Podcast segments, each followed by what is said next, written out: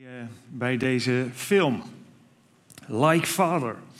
Een Netflix, Netflix film die eh, dit jaar uit is gekomen. Misschien had je hem al eh, gezien op Netflix of elders. Een film die ehm, ja, over het algemeen niet zo hoog scoort. Ehm, er is zo'n site waar je dat kunt zien. Hoe films worden gewaardeerd door mensen die hem hebben gezien. En ehm, bij die site, IMDB, wordt de film met een 6,1 gewaardeerd. En dat is eh, eigenlijk best laag. Heel anders dan de film waar Martin het bijvoorbeeld steeds over heeft. Die eh, Braveheart, die een 8,4 scoort. Misschien wel door al zijn likes, dat weet ik niet. Maar hij is er in ieder geval heel enthousiast over. Maar deze film, ja, is wat minder. En als je hem hebt gezien, ik heb hem natuurlijk helemaal gezien, dan moet ik ook wel zeggen, het is wel een beetje een saaie film. Met deze samenvatting heb je eigenlijk ook wel zo'n beetje alles gezien.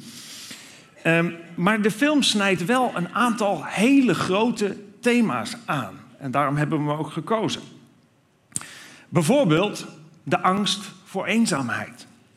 Harry zegt ergens in de film: de angst voor eenzaamheid. Eenzaamheid is heel krachtig. Het zat niet in deze samenvatting. En dat is ook zo. Juist daardoor nemen we soms verkeerde beslissingen. Uit angst om eenzaam te zijn. Uit angst om alleen over te blijven. We binden ons dan soms aan verkeerde mensen en eh, komen in de problemen. Een ander thema wat in de film zit is zelfreflectie. Door zelfreflectie ontdekte Rachel dat ze op basis van die angst voor eenzaamheid juist voor Owen was gevallen. Ze had Owen min of meer gebruikt omdat ze steun zocht na het overlijden van haar moeder en niet alleen wilde zijn. Dat is natuurlijk geen enkele basis voor een huwelijk. Het thema schuldgevoelens komt ook in deze film voorbij. Rachel, die niet bij haar stervende moeder kon zijn omdat haar vergadering uitliep. Haar werk ging eigenlijk boven alles en iedereen. Nog een thema in deze film is vluchtgedrag.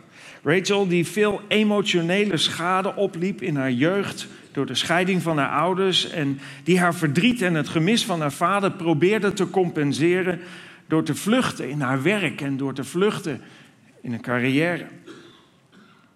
Egoïsme is ook een thema wat in deze film voorbij komt. Het huwelijk dat gestrand was, mensen die de keuze maken, eigenlijk ten koste in dit geval van Rachel. En zo gaat het vaak in huwelijken die vastlopen. Dat het toch op een, een of andere manier de ik-gerichtheid is die maakt dat een huwelijk niet slaagt. En zo komen er een heel aantal thema's in deze film voorbij. Maar het zijn allemaal niet de thema's waar ik het vanmorgen over wil hebben, omdat er één thema in zit wat volgens mij veel groter en krachtiger is dan al die andere thema's die ik heb genoemd. Aan het einde van de film, we zagen het net, het laatste stukje, loopt Rachel bij Harry, Harry weg, draait zich om en zegt dan: Pap. Het heeft ze verder de hele film, het, je hebt een heel stuk gemist natuurlijk, steeds niet gezegd. Iedere keer zei ze Harry om maar duidelijk te maken: je bent eigenlijk niks van mij. Je bent gewoon een persoon. Je bent een persoon die verdwenen is en die, die ik zal duidelijk maken door hoe ik je aanspreek, hoe ik naar je kijk en hoe kwalijk ik je dat neem. En hier voor het eerst zegt ze: Daddy, Dad, pap, bedankt dat je me hebt gezocht. Veelzeggend. Dat was voor mij, het was bijna aan het einde toch het mooiste moment uit de film. Dat zal niet alleen een enorme opluchting zijn geweest voor Harry als dit een waar gebeurd verhaal zou zijn geweest, maar natuurlijk gebeuren deze dingen ook in de realiteit. Het zal niet alleen een enorme opluchting zijn geweest voor Harry, maar ook een enorme opluchting voor Rachel zelf. Een ontwrichtende pijn van het verlaten zijn geweest viel ook van haar schouders door de genade en de vergeving die ze haar vader verleende. En vergeving vind ik dan ook, is misschien wel het belangrijkste en grootste thema. In combinatie met berouw, want ook Harry gaf aan welke momenten hij spijt van had. Het grootste thema eigenlijk in deze film. Vergeving is ook een enorm groot thema in de Bijbel. En vergeving is een groot thema in het leven. Omdat het zo bevrijdend is. Corrie ten Boom, misschien heb je die naam wel eens gehoord hier op hoge leeftijd.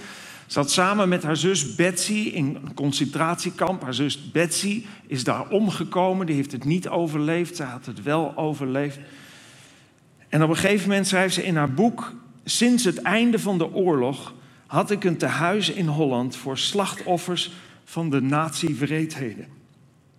Degenen die in staat waren hun vroegere vijanden te vergeven, konden terugkeren naar de buitenwereld en hun levens herbouwen. Onafhankelijk van hun lichamelijke en geestelijke littekens. Degenen die voedsel gaven aan hun bitterheid, bleven invalide. Zo eenvoudig en zo verschrikkelijk was dat. Wrok en haat leidt tot, schrijft zij eigenlijk, blijvende invaliditeit.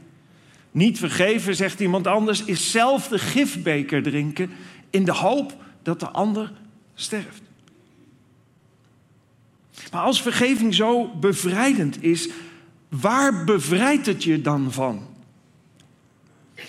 Nou, Paulus is een van de eerste kerkstichters uit de eerste eeuw. Hij heeft heel veel kerken gesticht op heel veel plaatsen. En schreef ook regelmatig brieven aan die kerken om, uh, om hen dingen uit te leggen. Paulus schreef op een gegeven moment een brief aan Efeze. We kennen die plaats nog uit Turkije, het voormalig Klein-Azië.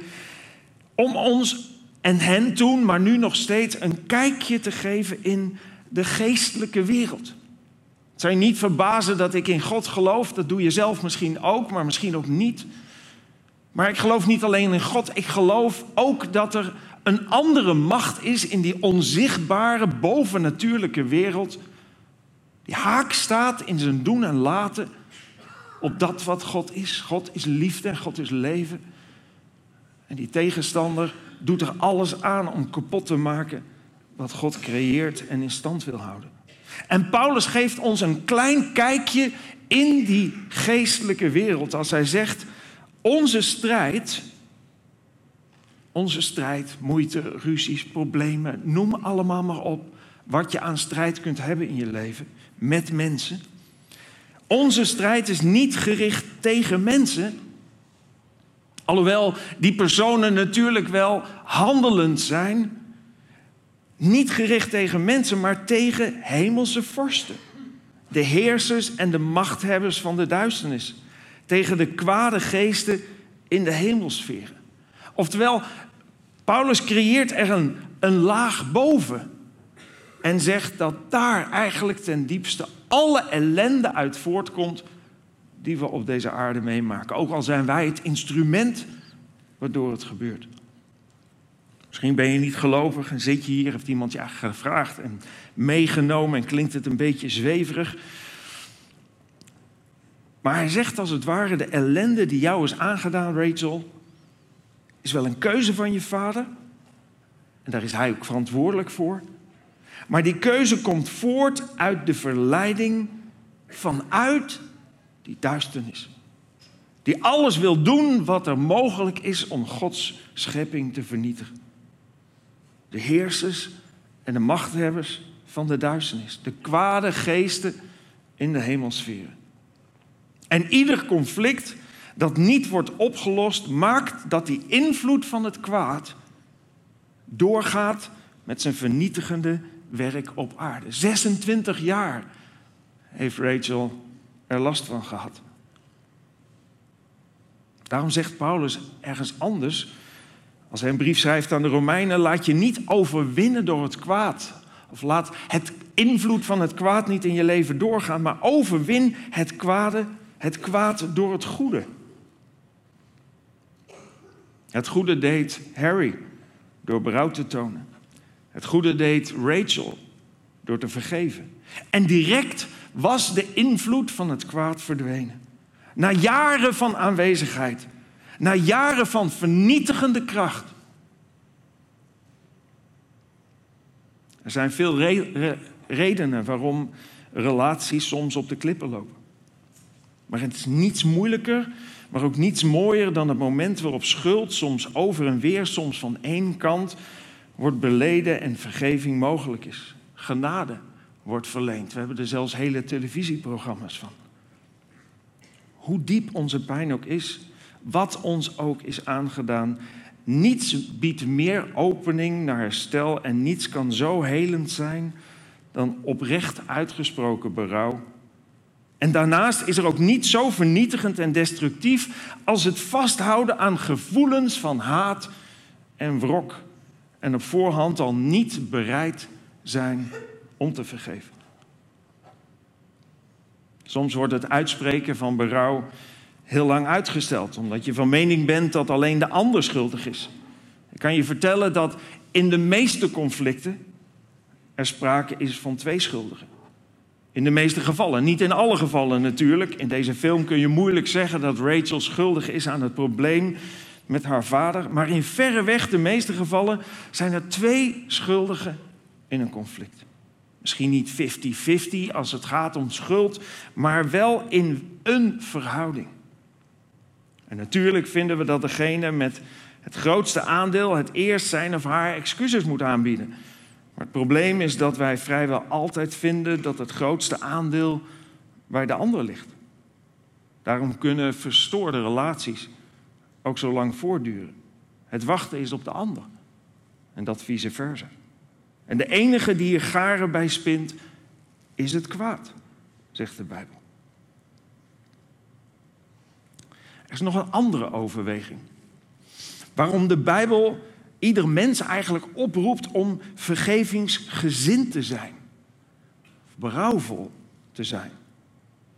Paulus zegt het volgende over de mensheid in het algemeen. Dat mogen we ons allemaal aantrekken. Hij zegt, alle mensen hebben zich van God afgekeerd. Ze zijn met elkaar de verkeerde weg opgegaan. Niemand doet wat goed is, zelfs niet één. De mensen slaan walgelijk gemene taal uit. Ze gebruiken hun tong voor leugen en bedrog. Hun lippen spuwen dodelijk vergif. Hun mond is vol vloeken en hatelijkheden. Ze staan meteen klaar om te doden. Waar zij geweest zijn, laten zij een spoor van verwoesting en ellende achter. Ze weten niet hoe ze in vrede moeten leven.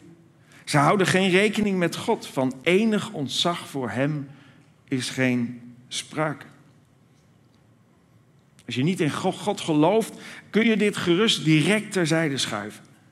Maar stel dat God wel bestaat en stel dat dit waar is, dan is onze schuld ten opzichte van God vele malen groter dan wat ons ooit in het leven kan worden aangedaan. Petrus, een van de leerlingen van Jezus, vond die opdracht om te vergeven best lastig. En zeker omdat Jezus leek te zeggen dat het zoeken naar vergeving altijd een belangrijk streven moet zijn. In de Bijbel staat daar dit over. Petrus vroeg aan Jezus: Heere, als een van mijn broeders mij telkens kwaad doet, hoe vaak moet ik hem dan vergeven? Zeven keer? Hij dacht, laat ik ruim gaan zitten. Nee, antwoordde Jezus. 70 keer zeven keer. Waarmee Jezus eigenlijk bedoelt te zeggen, zonder einde. En dan gaat Jezus iets uitleggen. Iets uitleggen wat hij begint met de woorden: U kunt het koninkrijk der hemelen vergelijken. Oftewel, hij gaat iets vertellen hoe het in de huishouding van God functioneert. Of hoe binnen die huishouding hij zou vinden dat het moet functioneren. Hij zegt, u kunt het koninkrijk van de hemelen vergelijken met een koning die besloot geld op te eisen dat hij te goed had. De koning had wat leningen uitstaan en hij wilde dat terug. Niet lang dat, nadat hij daarmee was begonnen, werd iemand bij hem gebracht die hem vele miljoenen schuldig was. Maar de man kon niet betalen. De koning nam het besluit hem als slaaf te verkopen om zo aan geld te komen. Ook zijn vrouw en kinderen en al zijn bezittingen moesten worden verkocht. De man liet zich voor de koning neervallen met zijn gezicht in het stof. Hij smeekte, Och majesteit, geef mij uitstel. Dan zal ik alles terugbetalen. De koning kreeg medelijden met hem, liet hem vrij en zei dat hij niets meer hoefde te betalen. Nauwelijks was de man weer buiten of hij ontmoette iemand van wie hij nog wat geld te goed had. Hij greep hem bij de keel en eiste zijn geld onmiddellijk terug. De ander viel voor hem neer en smeekte: Geef mij uitstel, dan zal ik alles terugbetalen. Maar de man wilde niet wachten en liet hem gevangen zetten, tot hij zijn schuld volledig zou hebben betaald. Enkele andere mensen die, zagen, die, dat zagen, die het zagen, vonden dit verschrikkelijk. Ze gingen het de koning vertellen. De koning liet de man bij zich roepen en zei: Ondankbare hond. Ik heb u die enorme schuld kwijtgescholden, omdat u mij erom had gesmeekt. Moest u dan geen medelijden hebben met die ander, zoals ik medelijden heb gehad met u? De koning was woedend en stuurde hem naar de folterkamer. Daar moest hij blijven tot de laatste cent betaald was. Zo zal mijn hemelse Vader, zegt Jezus, ook met u doen als u uw broeders niet van harte vergeeft wat ze u hebben aangedaan. Pittige taal, pittige uitleg ten opzichte van Petrus. Hiermee zegt Jezus tegen Petrus: God heeft jou al je zonden vergeven.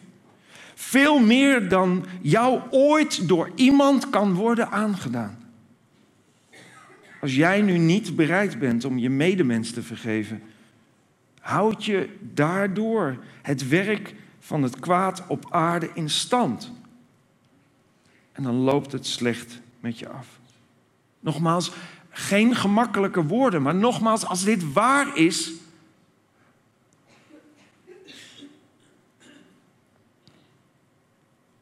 Als je niet gelovig bent, leg het gerust naast je neer. Maar als je gelooft dat God wel bestaat, heeft Jezus hier een punt. Wij mensen laten ons veel vaker gebruiken als instrument van het kwaad dan dat we God gehoorzaam zijn.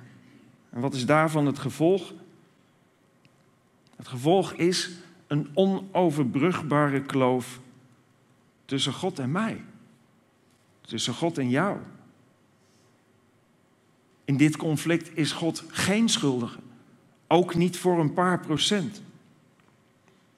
En dan laat God ook zelf zien dat het binnen zijn systeem anders werkt dan dat wij hiermee om zouden gaan. God koos niet voor wrok.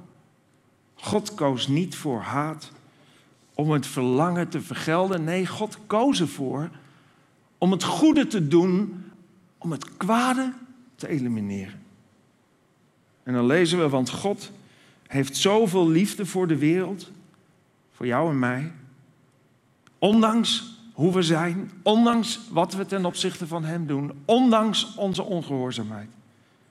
God heeft zoveel liefde voor de wereld, dat Hij zijn enige zoon heeft gegeven, zodat ieder die in Hem gelooft niet verloren gaat, niet wordt opgeslokt door dat kwaad maar eeuwig leven heeft. Voor altijd vrij zal zijn van deze last.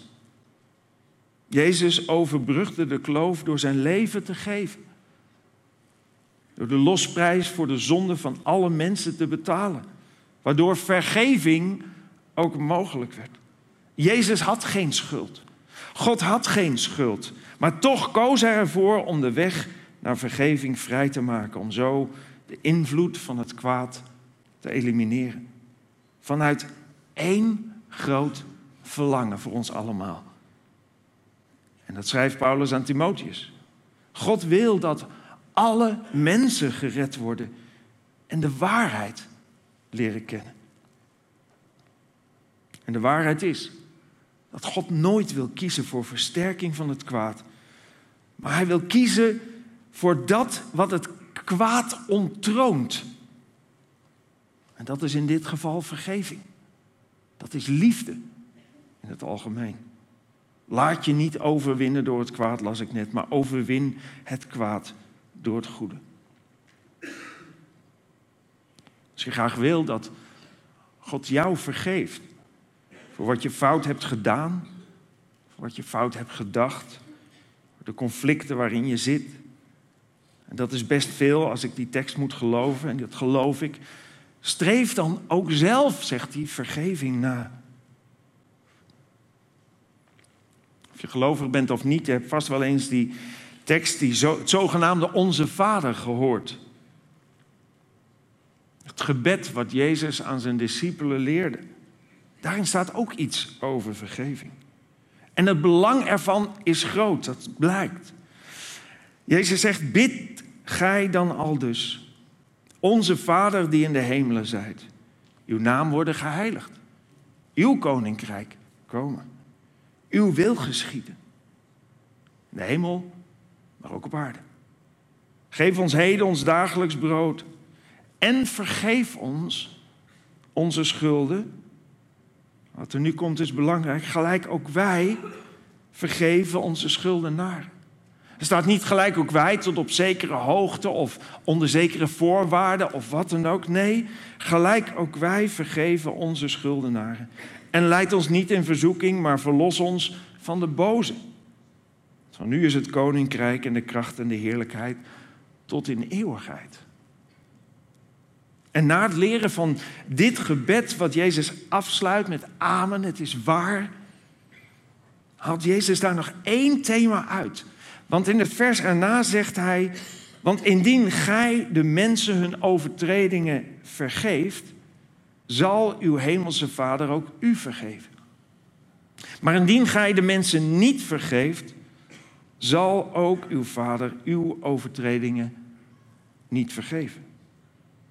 En vergeving betekent niet dat wat iemand je heeft aangedaan toch oké is of wel door mag gaan of wat dan ook. Het is geen waardeoordeel oordeel over wat er gebeurt. Sterker nog, met deze vergeving waarover gesproken wordt, daar hoeft de persoon in kwestie die het je heeft aangedaan niet eens bij betrokken te zijn. Het gaat in het eerste geval om de, je eigen hartsgesteldheid. Ben ik bereid? Als er berouw is, ben ik bereid om het los te laten? Ben ik bereid en wil ik er alles aan doen om te zorgen dat de invloed van het kwaad verdwijnt? De film heet Like Father. Deze film waar vergeving voor mij het centrale thema is. Ja, dan zou je kunnen zeggen, vergeven is like Father. Jouw schepper, mijn schepper, hij hoort ons het liefst dad zeggen. Vader, Abba, zoals het in de Bijbel wel staat. Niet omdat wij vergeven, maar omdat wij daarmee aangeven dat wij zijn vergeving aanvaarden. Paulus schrijft aan de Romeinen: U hebt de geest niet ontvangen, oftewel de connectie die stuk was gegaan tussen God en mensen, die door vergeving en aanvaarding van het offer wat Jezus heeft gebracht hersteld wordt. Die connectie, de geest, hij zegt, u hebt die geest niet ontvangen om opnieuw als slaven in angst te leven, zoals daarvoor. U hebt de geest ontvangen om Gods kinderen te zijn, om een herstelde relatie te krijgen en om Hem te kunnen aanroepen met Dad, Abba, Vader. Ook Jezus wil graag dat wij ons omdraaien, net zoals Rachel dat deed. Omdraaien is wat het woord bekering eigenlijk letterlijk betekent. Dat we ons afkeren van de weg van het kwaad en Jezus gaan volgen. Ik wil afsluiten met die tekst waarin Petrus die oproep doet. Hij zegt, u moet zich bekeren. En waarom staat hier moet? Omdat vlak daarvoor de mensen aan hem vroegen, die ontdekten hoe hun verhouding ten opzichte van God eigenlijk was. Ze vroegen aan hem, wat moeten we doen? Wat moeten we doen om dat te herstellen? En dan zegt Petrus, u moet zich bekeren tot God. en u laten dopen in de naam van Jezus Christus. Want dan worden uw zonden vergeven. Dan komt ook de Heilige Geest in u wonen. Want God heeft die beloofd aan u en uw kinderen, aan ieder die door God geroepen wordt. En ook aan de verre vreemde volken waar wij een onderdeel van zijn. Dat is het diepste verlangen wat God heeft. Ons vergeving schenken, zodat wij de kracht hebben om ook zelf die liefde en vergeving door te geven. Ik wil daar heel graag voor bidden. Dank u wel, Heere God. Zo'n voorbeeld uit zo'n film waar je ziet gewoon dat twee mensen die al zo lang op gespannen voet met elkaar leven, of eigenlijk zonder elkaar leven. Heer, dat bij hen beiden een last van de schouders valt. Heer, omdat ze het ten diepste beiden niet wilden, dat er toch die verleiding uit, het, uit die kwade macht is geweest. Die ons kapot wil maken. Die onze relaties ook kapot wil maken. En Heer, u kent ons allemaal zoals we hier zitten en u weet of deze dingen ook voor ons gelden. Misschien hebben wij ook wel van die relaties die stuk zijn gelopen. Misschien kort geleden, misschien langer geleden. Heer God, wilt u ons helpen om in te zien waar,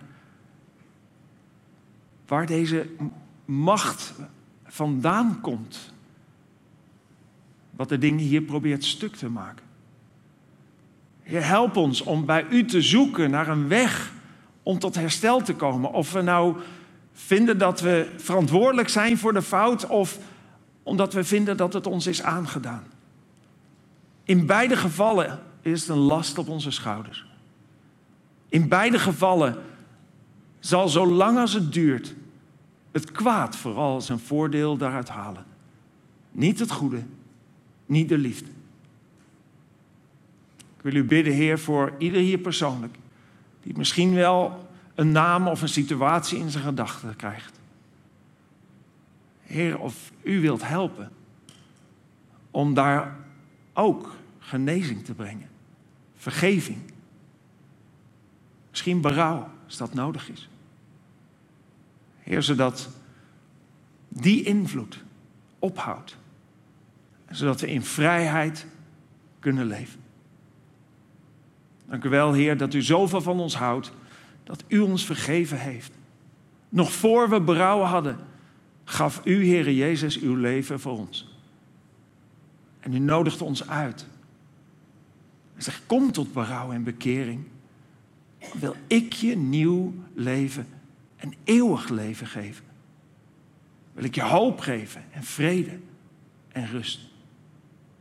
Zoveel als in deze gebroken wereld mogelijk is. Dank u wel daarvoor. In Jezus' naam. Amen.